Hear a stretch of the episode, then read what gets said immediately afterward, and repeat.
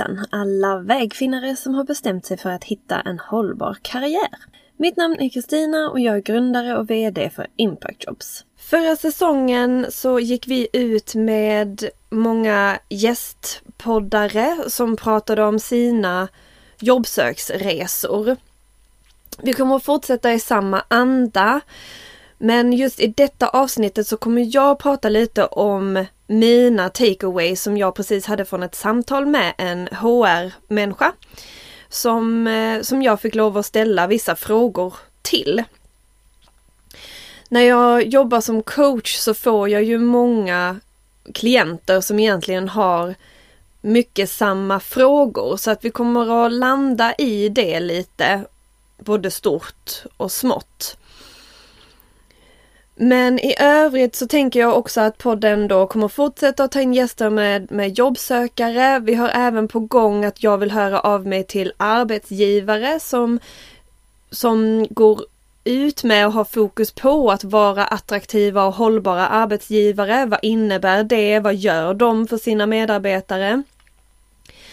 Och även studenter som både pluggar hållbart och vill jobba med hållbarhet. Det är lite vad som kommer i framtiden. Men vi dyker ner i vad jag har lärt mig nu efter detta samtalet till exempel. Vi börjar med lite så här korta frågor, antingen eller eller lite så. Och sen så kommer vi avslutar vi med de lite större frågorna till exempel hur sticker man ut och vad ska man göra när man gör allt? För att ibland så känns det som att Vissa klienter som kommer till mig kan jag verkligen hjälpa för att jag kan hjälpa dem till exempel, ja men är du aktiv på LinkedIn? Hur ser ditt CV ut? Ringer du företagen? Har du liksom en lista på företag som du hör av dig till? Prata om eh, the hidden jobs, vad säger man? De gömda jobben, de som inte riktigt är på arbetsmarknaden och så vidare. Och detta är ju mycket saker som jag tar upp i mitt onlineprogram också, Impact Booster. Det är ju liksom ett onlineprogram, fyra stycken webbinarier som går en gång i veckan, så över en månad så träffas man fyra gånger och lär sig just om vad är en hållbar karriär? Var kan jag hitta de här hållbara jobben? Hur kan man sen sticka ut om man väl har hittat dem? Och vad ska man tänka på? Hur kan man forma sin egen karriär till en mer hållbar? Och till exempel då kan man gå in på liksom förhandlingar med, med ledning och så vidare. Så det om ni inte redan har kollat in det så kan ni absolut kolla in det och se om det skulle vara någonting för er. Mina förra deltagare var väldigt nöjda och väldigt peppade att eh, liksom fortsätta och utveckla sin, sin jobbsökarresa. Men den första frågan jag hade till, till HR idag var faktiskt den här utseende versus innehåll. För att jag kan känna när jag tittar tillbaka på mitt jobbsökande att jag var så himla fokuserad på liksom innehållet att jag inte tänkte på om CVt var snyggt eller inte. Och det kanske det är klart att det ska vara snyggt men framför allt kanske i ögonfallande. Att det alltid, att det handlar ju om olika steg och um, jag tror att, att både liksom H, alltså att, att HR svarade då att det är klart att det är viktigt att det är i ögonfallande så att man uppmärksammar det till att börja med. Men samtidigt så är ju såklart innehållet fokus och innehållet måste dessutom vara så pass bra att oavsett var HR tittar med sina ögon så ska det vara tillräckligt intressant för att för att titta vidare så att säga.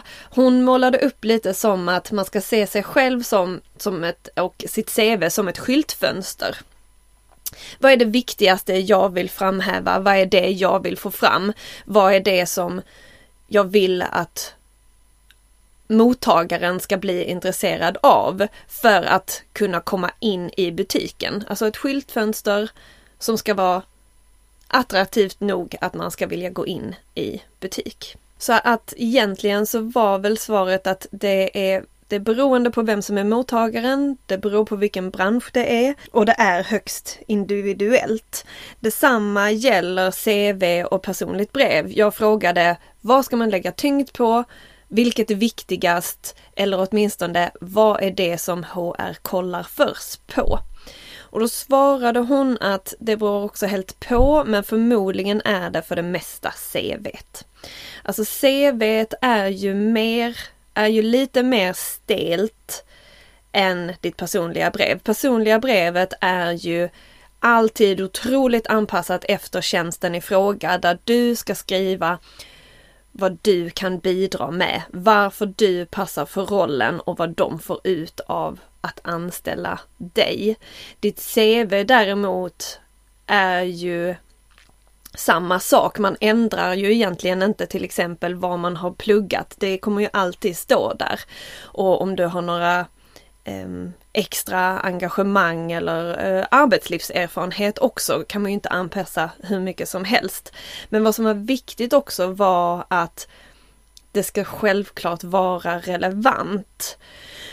Så att till exempel fritidsintresse och familjerelationer och så vidare, det är inte relevant.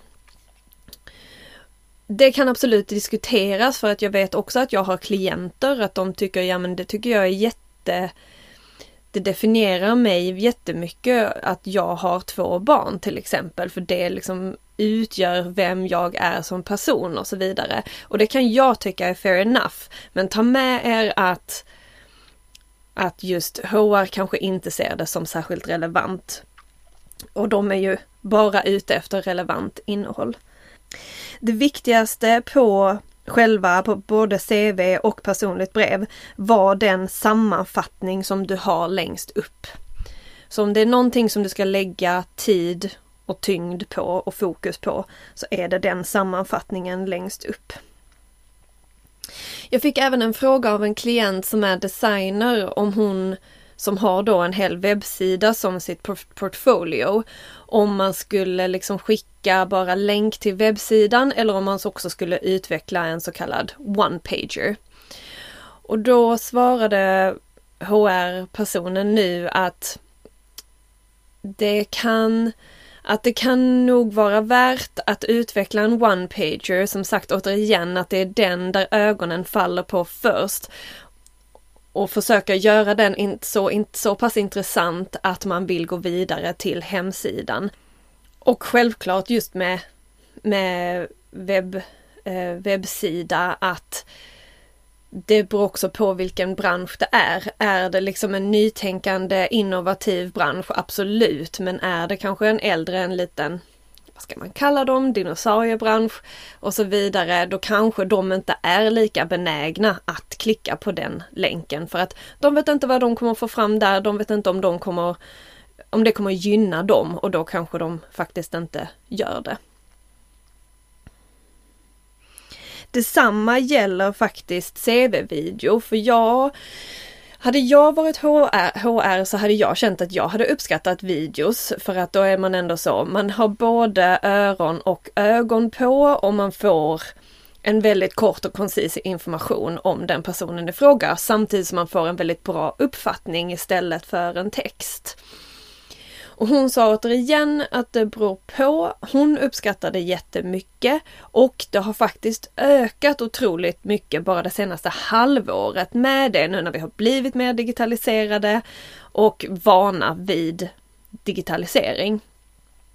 Så att det är absolut någonting ni kan, ni kan tänka på att få fram ert budskap på ett annat sätt, lite roligare sätt kanske för vissa och så vidare. Men såklart utmanande också för de som kanske inte vet alls eller är inte bekväma att stå framför kameran. Då ska ni ju inte göra det utan gör det som är bekvämt för er. Men det är liksom ett verktyg till ett nytänkande i rekryteringsprocessen.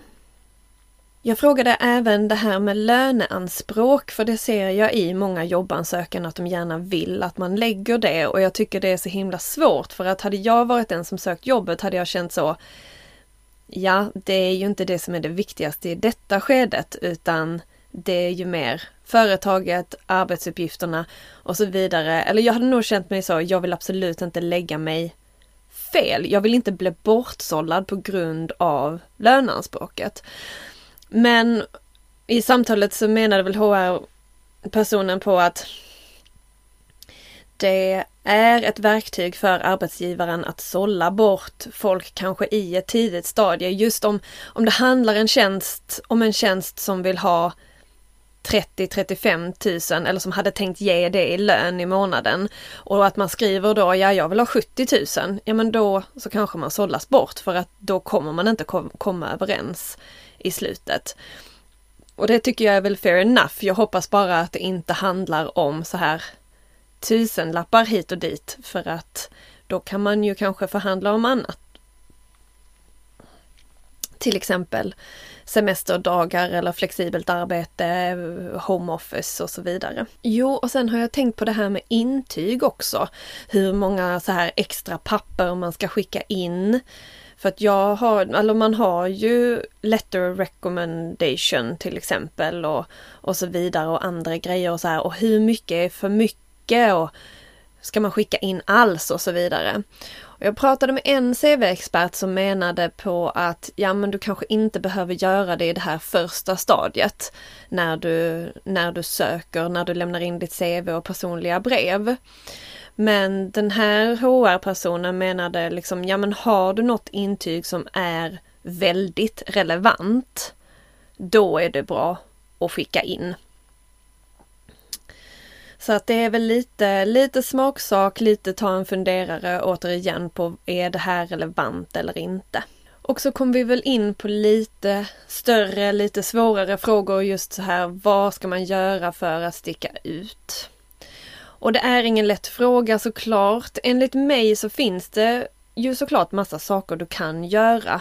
Jag tror att LinkedIn är ett jättebra verktyg när det kommer till att sticka ut, att vara aktiv på LinkedIn. Spendera kanske i alla fall 10 minuter om dagen och likea något och kommentera något och ibland kanske en gång i veckan posta något om du känner att du kan komma med, med innehåll. Och så vidare och, och kanske för samman med, med nya kontakter. Var liksom inte rädd att räcka ut handen här. Det brukar jag säga mycket med Impact Jobs. Att snälla våga be om hjälp för att de flesta tycker om att hjälpa andra. Du kan ju bara se det som du själv, om någon hade bett dig att om en tjänst, hur villig hade du varit att hjälpa denna personen? Och jag tror många av er lyssnare hade gärna hjälpt någon och det kan i sin tur leda till saker som man inte riktigt var beredd på. Precis, så LinkedIn brukar jag dra med först men samtidigt är det ju många som är det. Att ha ett snyggt CV tycker jag verkligen är en god idé. Att ta tiden och kolla runt lite, vad är det som gäller och, och så vidare. Man kan ju gå in liksom på riktigt nördiga detaljer som till exempel font. Jag hade ingen aning om att man ska egentligen inte ha Times New Roman för att det anses för då är man nästan för lat för att då vill, vill man inte sticka ut alls. Och samma gäller lite med areal och kalibri nu som är de mest vanligaste. Så att man ska försöka hitta någon som samtidigt är liksom tydlig. Den ska inte sticka ut för mycket utan lagom. Men det finns mycket att researcha på nätet om, om just detta och hur man skriver ett bra CV. Det finns ju även aktörer som hjälper dig som du kan betala dem för tjänsten att hjälpa dig i viss mån och, och hjälpa dig med CV och personliga brevet och så vidare. Så att har man, har man de pengarna och kan investera så tror jag det är superbra för då får man ju verkligt, då får man ju matnyttig feedback känns det som, som man kan ta med sig.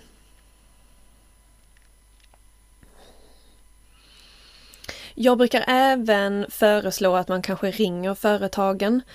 Och det har jag väl bara hört också många att som säger att det är klart man kan. Vad som är viktigt där är ju att du har en riktigt bra fråga som inte svaras på på hemsidan eller i jobbansökan som inte finns någonstans där som du kan hitta. Men sen samtidigt så kanske det inte behöver vara någon någon helt omöjlig fråga heller utan det kan väl vara hur ser rekryteringsprocessen ut? Har ni fått in många ansökningar? När kommer ni höra, till, höra av er tillbaka? När kommer ni återkomma till exempel? Det är ju ändå eh, det är ju ändå befogat tycker jag om man sitter i, om man ska söka ett annat jobb eller om man redan har fått erbjudande på något annat men vill höra om detta och så vidare.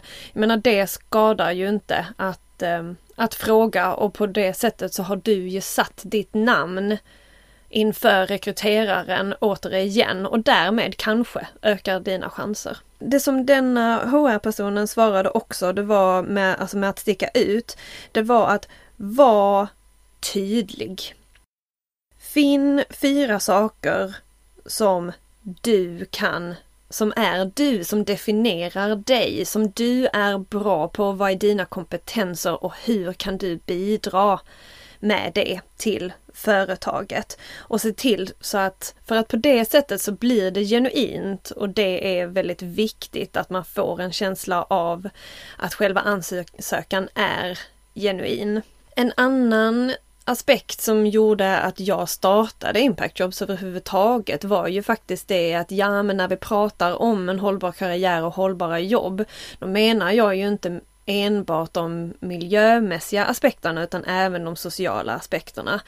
Jag är jag är lite bestört faktiskt över antalet klienter som coach jag har fått som säger att de trodde att de hade fått drömjobbet och det hade kunnat vara så himla bra. Om det till exempel inte vore för chefen, för ledarskapet eller kollegorna och så vidare. Alltså ni vet, inte liksom rollen eller arbetsuppgifterna i sig utan själva arbetsmiljön. Och just när det kommer till arbetsmiljön så tycker jag att det är egentligen så busenkelt att lösa. Jag tycker att det verkligen handlar om att se människor, om att vara lyhörd, att få med alla på tåget, att alla ska känna sig involverade. Men kanske vad som glöms bort på en arbetsplats, det är att det tar också tid. Man måste investera i tid att ha after work eller teambuildings, eh, medarbetardagar och så vidare. Och det kan låta löjligt för att man måste ha liksom the eyes on the prize hela tiden. Men det är ju inte så det funkar. Jag tycker att det är otroligt uppenbart att man måste ta hand om sina medarbetare för att de ska kunna vara produktiva och effektiva och trivas på jobbet. Och trivs man på jobbet, ja då stannar man också. Men jag vet inte vad som är genomsnittet nu, men jag menar det, är, det blir ju kortare och kortare genomsnitt hur länge man stannar på sitt jobb. Och där tror jag liksom att det finns mycket att göra med arbetsmiljön, att folk hade stannat längre. Det tror jag i alla fall. Ledarskap, flexibiliteten inom ledarskap, lyhördhet och liksom engagemang från, från cheferna, så att säga. Att öppna upp där lite. Vad HR-personen sa här var ju att vi har ju egentligen bra ramar inom Arbetsmiljöverket. Så är man liksom lite osäker på vad för krav man kan eh, man kan begära av sin arbetsgivare kan man gå in där och kolla. Prevent eller Prevent är också ett, ett företag, myndighet, kopplat till myndigheterna tror jag, jag vet inte, som, eh, som jobbar för själva arbetsmiljön. Så att det finns massa sånt där ute. Men hos dem så brukar de också um, ha ett ramverk som heter OASen, den optimala arbetssituationen, där man själv ska reflektera på vad kan jag? Att man inventerar hos sig själv. Vad har jag för kunskaper? Vad har jag för erfarenheter? Vad är jag bra på? Vad är mina förmågor? Och det är ju allt, allt detta är ju det som står i ditt CV, så att säga. Och sen, vad vill jag? Vad hade jag velat bli om jag får lov att utvecklas? Vart vill jag, vart vill jag gå? Och så vidare. Och sen trean, själva sammanhanget, alltså själva hur, hur ser arbetsmiljön ut i min, i min optimala arbetssituation? Hur ser ledarskapet ut? Kollegor? Vad har jag för roll? Vad har jag för sorts eh, kontor när vi pratar om arbetsmiljön liksom? Och det är väl en diskussion som jag verkligen vill hålla vid liv eh, inom impact jobs, alltså vilka krav kan man ställa till en arbetsgivare? För att jag förstår verkligen dilemmat för arbetare att man, kanske, man eh, kanske är rädd för att framföra vissa krav och man kanske är rädd för att låta som att man klagar eller ber om för mycket och så blir man plötsligt sedd som ett irritationsmoment för chefen och därmed kanske riskerar sin anställning. Jag förstår verkligen det. Men därför så tänker jag att Impact Jobs kan ju vara ett forum där man diskuterar så, vad hade du velat ha för din arbetsgivare? Och i alla fall från de klienterna som jag har tycker jag det är liksom inte några det är inte några orimliga krav utan det handlar verkligen om att jag önskar att jag kunde bli sedd lite mer, att någon hade lyssnat på mig lite mer, att någon hade kanske frågat hur jag mår eller hur det går och så vidare. Och jag har till exempel en klient som var som kommer vara så himla säker på, nej men jag har egentligen ett bra jobb, det är bra betalt och så vidare, men jag vill vidare, det är dags nu att, att gå vidare. Och när vi sen efter ett tag liksom bröt ner det och kom fram till, ja men varför är du så angelägen att, att dra vidare? Och hon, och hon bara, ja men Ja, nej men ja, nu är jag för bekväm och nu är det för tryggt, så att säga. Och jag bara, men vad är det för problem med, med att vara bekväm och trygg? Bara, nej men det, man ska ju alltid vara på tårna, man ska ju alltid vara på väg och nu måste vi vidare och så vidare. Och det, och det var ju så, är det liksom en fakta som du har tagit någonstans eller är det din åsikt? Och om det är din åsikt, vill du ändra på den eller är det så? Och så vidare. Och liksom efter mycket om och men så kom hon ju fram till att det var ju inte jobbet det var inte arbetet som hon ville byta utan det var mer arbetsuppgifterna.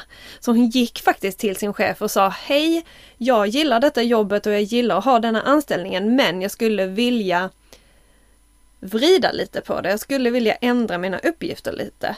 Och faktum är att chefen var jättetacksam för att hon hade ingen aning om detta. Chefer kan inte läsa dina tankar. Det är både bra och dåligt men min poäng är att du måste yttra dina tankar. Och det var det hon gjorde och hon var ju jättetacksam och ändrade hennes roll så att hon kunde stanna. För att det är så mycket värt för en arbetsgivare att du stannar än att du går. Så att egentligen är de säkert mycket mer villiga att möta dig än vad du tror. Men det är också svårt. Det är också svårt att veta för att det kan ju vara att om man då går till chefen och säger detta, detta, så, ehm, så kanske de blir tar det på något annat sätt och så vidare. Men jag säger bara att förmodligen så är det inte så och det kanske är värt att ta ett samtal. De absolut svåraste klienterna jag får som coach, det är de som till och med jag känner och de också känner att de har gjort allt i sin makt att få en anställning. De gör allting, de har checkat av alla mina tips och mycket mer. Och de är engagerade och de har andra nätverk och de kör på liksom. Men ändå så saknas den här, den här tryggheten av en anställning.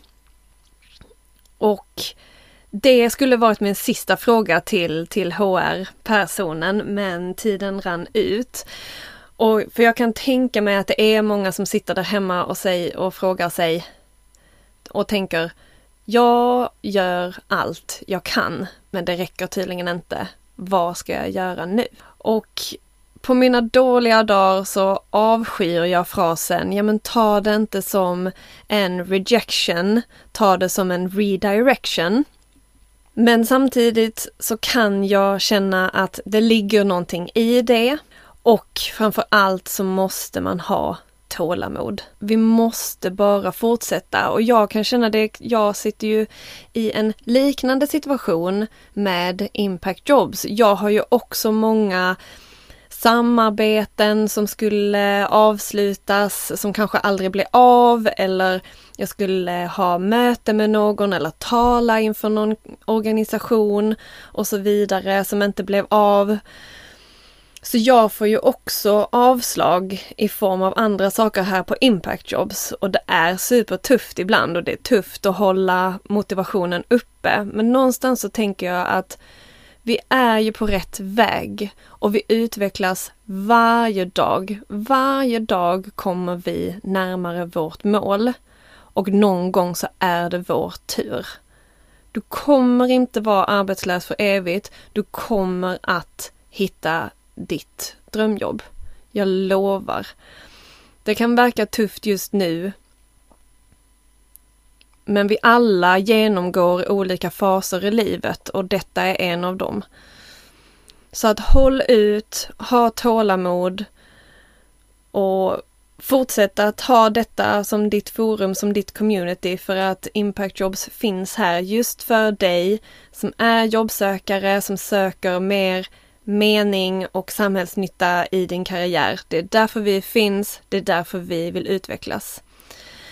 Så har du några funderingar eller frågor, tveka inte att höra av er på, på våra sociala medier till exempel eller mig på e-mail som är kristina med k at impactjobs.se. Så hoppas jag att det löser sig. Stort lycka till! Och det kommer bli bra, jag lovar. Ha det så fint! Vi hörs om två veckor. Hej hej!